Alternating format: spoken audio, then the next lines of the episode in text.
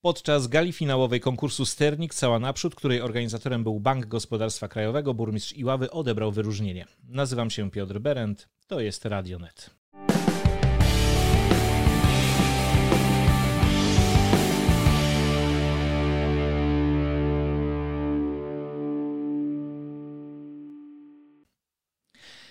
Dziś moim gościem jest burmistrz Iławy Dawid Kopaczewski. Dzień dobry panu.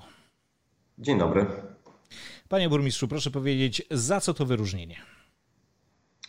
Jak pan powiedział, Bank Gospodarstwa Krajowego przygotował taki konkurs dla samorządów oraz dla firm mniejszych, większych E, konkurs, w ramach którego można było się pochwalić, przedstawić swój plan działania, który był wdrażany w trakcie pandemii koronawirusa. My, jako jednostka, która e, ambitnie do takich zadań podchodzi, też przygotowaliśmy recenzję swoich e, działań i to były takie działania zarówno naszego urzędu, jak i wszystkich naszych jednostek. Przygotowaliśmy dokumenty aplikacyjne i okazało się, że dostaliśmy się, zakwalifikowaliśmy się do gali finałowej właśnie w Starych Jabłonkach. I na tej gali okazało się, że otrzymaliśmy e, czy otrzymujemy tak wówczas wyróżnienie z rąk e, samego marszałka oraz rektora uniwersytetu. E, cieszę się z tego tytułu, ponieważ jest to takie symboliczne oczywiście docenienie naszych wysiłków w trakcie pandemii. Tutaj przypomnę tylko, że bardzo mocno pracowaliśmy nad tym, żeby zabezpieczyć i seniorów, prawda, pod kątem dostaw na przykład żywności, zabezpieczaliśmy mieszkańców, swoich tutaj pracowników i cieszę się, że te nasze działania w trudnym czasie zostały docenione, ponieważ wtedy tak naprawdę wszyscy uczyliśmy się tego, e, tego, tego życia w troszeczkę w takim zamknięciu. E, a to tak naprawdę to wyróżnienie e, jest dla wszystkich moich współpracowników, którzy działali, którzy pracowali, którzy dostosowywali się do tych trudnych warunków. I cieszę się bardzo, że Iława i ja sam znalazłem się w gronie tych najlepszych z najlepszych i wyróżnionych właśnie na takiej oficjalnej gali Banku Gospodarstwa Krajowego. I z tego miejsca wszystkim jeszcze raz dziękuję i gratuluję. Takim razie przyłączam się do gratulacji, które składam na Pana ręce. E, powstaje strefa Street Workout przy ulicy Odnowiciela, tuż obok boiska i siłowni plenerowej. E, proszę powiedzieć, co to jest to Street Workout e, i co to za inwestycja? To jest inwestycja, którą jakiś czas temu zgłosiła do budżetu radna tego osiedla Anna Pogodowska. Stwierdziliśmy, że faktycznie na tym osiedlu brakuje takich przyrządów małej architektury, przyrządów do ćwiczeń przy tym boisku. E, i stwierdziliśmy, że faktycznie obok siłowni zewnętrznej jest jeszcze miejsce na, taką, e, na taki zestaw e, przyrządów do ćwiczeń zewnętrznych. Jest to taki przyrząd, który popularny jest też na zachodzie, on jest bardzo taki rozwojowy, wzmacniający, siłowy, więc mam nadzieję, że będzie, będzie zyskiwał tylko popularność i przychylność naszych mieszkańców. Faktycznie ta strefa, tej strefie jeszcze brakowało czegoś po prostu do tego, żeby zachęcić naszych mieszkańców tego osiedla, żeby wyjść na spacer, poćwiczyć, posiłować się, popodciągać się na tych wszystkich drążkach. I, I, taki zestaw tych ćwiczeń zewnętrznych będziemy montować. E, wiadomo, że to jest bardzo duże osiedle, w którym mieszkają młodzi, młode osoby e, i, i pod tym kątem właśnie ta inwestycja jest przeprowadzona. E, ten ciąg takich ćwiczeń zewnętrznych jest zainstalowany tutaj nad naszym jeziorem, między Skarbkiem a Dziką Plażą i on jest bardzo popularny wśród naszych mieszkańców i turystów. I w związku z tym, że te przyrządy faktycznie cieszą się popularnością, stwierdziliśmy, że osiedle piastowskie w związku z tym rozwojem tego osiedla, ilością, ilością osób młodych, wyposażymy w taki zestaw przyrządów do ćwiczeń zewnętrznych. E, I tutaj dziękuję radnej, radnej Annie Pogodowskiej za tę inicjatywę. Lada moment zostanie oddana do użytku. E, bardzo często w tych naszych rozmowach w Radionecie e, mówimy o inwestycjach, które będą miały miejsce. Bardzo dużo o tych inwestycjach Pan opowiadał. E, czas w końcu powiedzieć sprawdzam. Chciałbym zapytać o taką inwestycję, budowę przystanków autobusowych. Czy podpisano już umowę na nią? Bardzo dobre pytanie, dziękuję za nie, bo faktycznie przez wiele, wiele miesięcy debatowaliśmy nad tymi przestankami. E, pandemia nam troszeczkę to wszystko opóźniła i teraz już jesteśmy gotowi z tym inwestycją i faktycznie rozstrzygnęliśmy zapytanie pod kątem budowy nowych przystanków. I tak jak wcześniej informowałem u Pana, e, powstanie nowy przystanek na ulicy Kopernika. Będzie też e, przystanek, ale w formie takiego zegzaka na ulicy Wyszyńskiego. I to jest ten pierwszy etap prac i faktycznie lada moment zaczniemy budować, już tak naprawdę na dniach zaczniemy budować przystanek na ulicy Kopernika. I tutaj informuję mieszkańców e, za Pana pośrednictwem, że musimy liczyć się przez kilka tygodni z utrudnieniami na tym odcinku. Wiadomo, że tam jest dosyć e, takie wąskie gardło na tym odcinku i tutaj musimy się nastawić na to, żeby być cierpliwym dla wykonawcy naszego, naszej inwestycji, ale to wszystko po to, żeby na tym odcinku e, puścić kolejną linię autobusową, tak żeby i targowisko miejskie, i całe osiedle Kopernika i Wyszyńskiego było wyposażone po latach posłuchy w przystanki komunikacji publicznej i tamte przystanki powstaną. I wykonawca tej inwestycji od tego e, odcinka zakończy. Jeżeli tutaj wykona tę inwestycję, przeniesie się na Aleję Jana Pawła II i będzie przebudowywał odcinek przy rodzinie, ponieważ mieszkańcy wielokrotnie zgłaszali to, że wysiadając z autobusu muszą pokonywać e, wiele metrów do, e, do przychodni rodzina. W zeszłej kadencji nie udało się tego zrobić, nie, nie zyskiwał ten pomysł przychylności. My w tej kadencji stwierdziliśmy, że jest to ważny postulat naszych mieszkańców i e, taki odcinek przebudujemy i faktycznie to się też zakończy do końca tego roku, czyli te dwa odcinki Kopernika i Aleja Jana Pawła II wykonamy do końca tego roku po to, żeby w styczniu czy w pierwszych dniach stycznia uruchomić nowy rozkład jazdy, który będzie dostosowany właśnie pod te nowe odcinki odcinki, nowe przystanki autobusowe i wtedy realnie mieszkańcy zauważą realną zmianę w przystankach i w częstotliwościach e, kursowania naszych autobusów, także na Kopernika i także na Alei Jana Pawła II.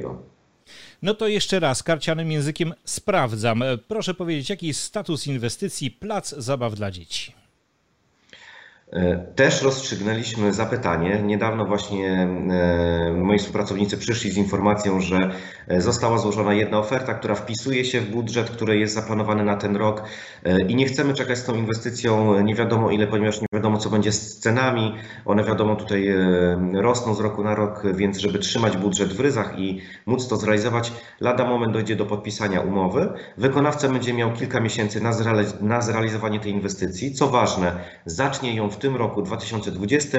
Mam nadzieję, że zostanie ukończona w roku 2020, e, rozpoczęta w 2021, przepraszam, a zakończona w roku 2022.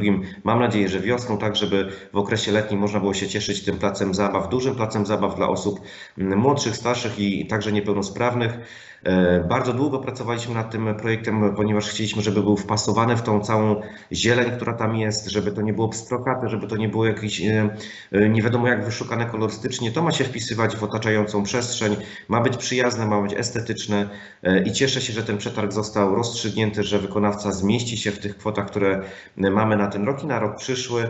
Na najbliższej sesji też dokonamy zmian takich pod kątem tego, ponieważ mieliśmy na ten rok zakontraktowane milion złotych, ale w związku z tym, że teraz ten przetarg się rozstrzygnął, wykonawca będzie też kończył tę inwestycję w roku 2021 i tak te zmiany będą tutaj konstruowane, ale lada moment łopaty pójdą e, w ziemię i tam też zacznie się inwestycja i też troszeczkę proszę tutaj mieszkańców o cierpliwość.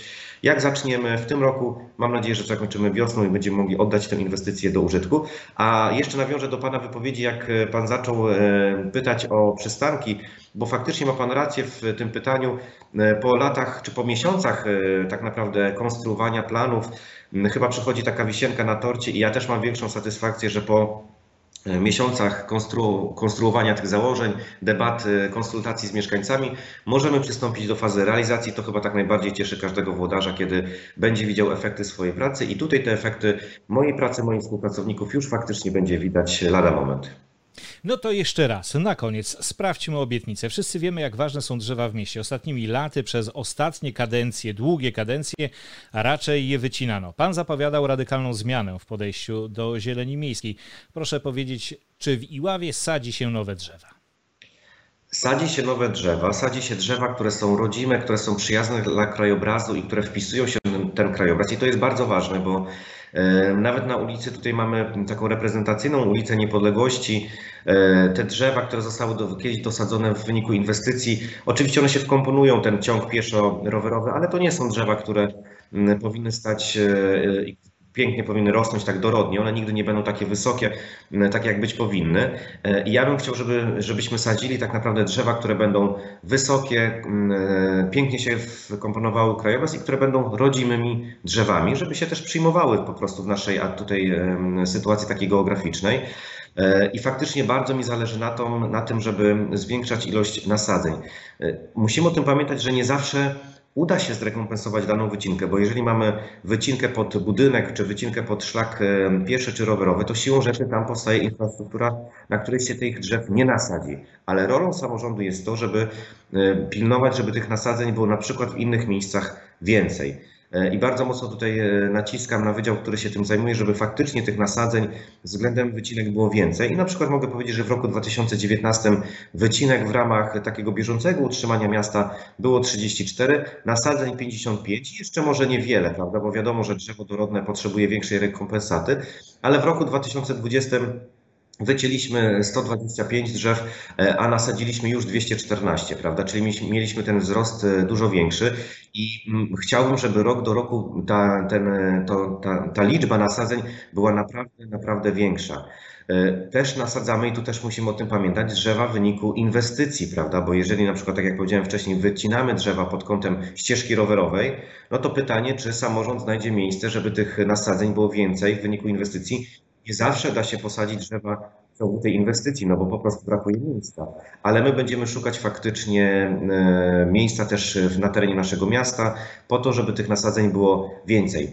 Liczba ma znaczenie przy nasadzeniach, ale mają też znaczenie e, gatunki drzew. To powinny być drzewa, drzewa rodzime, żeby się przyjęły, żeby się wpisywały w krajobraz i żeby były odpowiednio wielkie, wielkie po kilkudziesięciu latach, bo nie sposób posadzić na przykład jakieś drzewa karłowate, prawda, które będą miały dwa metry, które się potem zagną i nie będą już rosły wzwyż, e, a e, uważam, że tutaj powinniśmy sadzić drzewa, które będą dorodne, zapewniały odpowiednią filtrację, drze, filtrację powietrza i w tym kierunku będziemy chcieli iść. Tylko to jest, panie redaktorze, praca e, taka rozłożona na lata. Tego się nie da wykonać.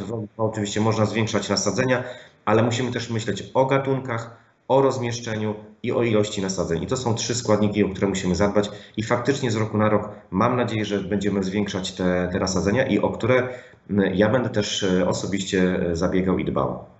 Ja rozumiem, że e, jest to wszystko obliczone na lata, drzewo nie rośnie w ciągu kilku miesięcy, ale takim symbolem dbania o przyrodę i dbania o ekologię mogła być wierzba, wierzba młynarka, która miała zostać pomnikiem przyrody, jednak radni nie przychylili się do tego pomysłu. Tak, z większością głosów radni odrzucili ten pomysł. Na tym ubolewam, ponieważ był to projekt e, naszej mieszkańki i taka była to inicjatywa oddolna. E, jak do, do mnie wpłynął ten wniosek i potem miałem okazję rozmawiać z tą mieszkanką, e, stwierdziłem, że faktycznie jest to sensowne, jest to przemyślane, jest to uargumentowane merytorycznie. No niestety większością głosów radni odrzucili ten pomysł, ale to nie znaczy, że my poprzestaniemy jakby na, tym jednej, na tej jednej inicjatywie, ponieważ wiemy, że są pomysły inne, pod kątem ustanowienia mm, pomników przyrody. Ja uważam, że to jest to bardzo cenna informacja, czy bardzo cenna inicjatywa, ponieważ taki pomnik przyrody to nie tylko wartość przyrodnicza, ale to jest też wartość taka historyczna, kulturowa, to jest też wartość turystyczna, ponieważ możemy na bazie takiego szlaku budować po prostu ścieżkę turystyczną, prawda, dla mieszkańców, dla naszych turystów po to, żeby poznawać historię tych drzew, żeby patrzeć, dlaczego jest to drzewo, żeby uczyć się tego krajobrazu tego, tych założeń e, kulturowych. E, tutaj Pan słusznie zauważył, na Radzie to stanęło, niestety radni zagłosowali większością przeciw, chociaż było kilka głosów za i za te głosy dziękuję. My na pewno do tego pomysłu będziemy wracać przy innych pomysłach, więc to, to mam nadzieję, że ta jakby ścieżka legislacyjna w tym temacie się nie zakończyła, a już moją rolą będzie po prostu przekonywanie radnych, żeby faktycznie przy tych kolejnych inicjatywach przekonać ich do tego, że to jest słuszna, inicjatywa oddolna, która będzie też budowała wartość e, przyrodniczą Iławy, ale także wartość turystyczną naszego miasta. Może po prostu przy tym głosowaniu wzięła górę taka małostkowość polityczna na zasadzie lepsze nasze dęby niż wasza wierzba. Dziękuję panu bardzo za rozmowę. Dziękuję serdecznie, pozdrawiam, do zobaczenia. A ja Państwu przypomnę, że gościem dzisiaj był burmistrz Iławy Dawid Kopaczewski, a wywiad ten znajdziecie na stronie internetowej Radionet Info, na Facebooku, YouTube oraz w formie podcastów w serwisach Spotify, iTunes i SoundCloud. Dbajmy o siebie i o innych. Nie zapominajmy o tym, żeby się zaszczepić. Do usłyszenia.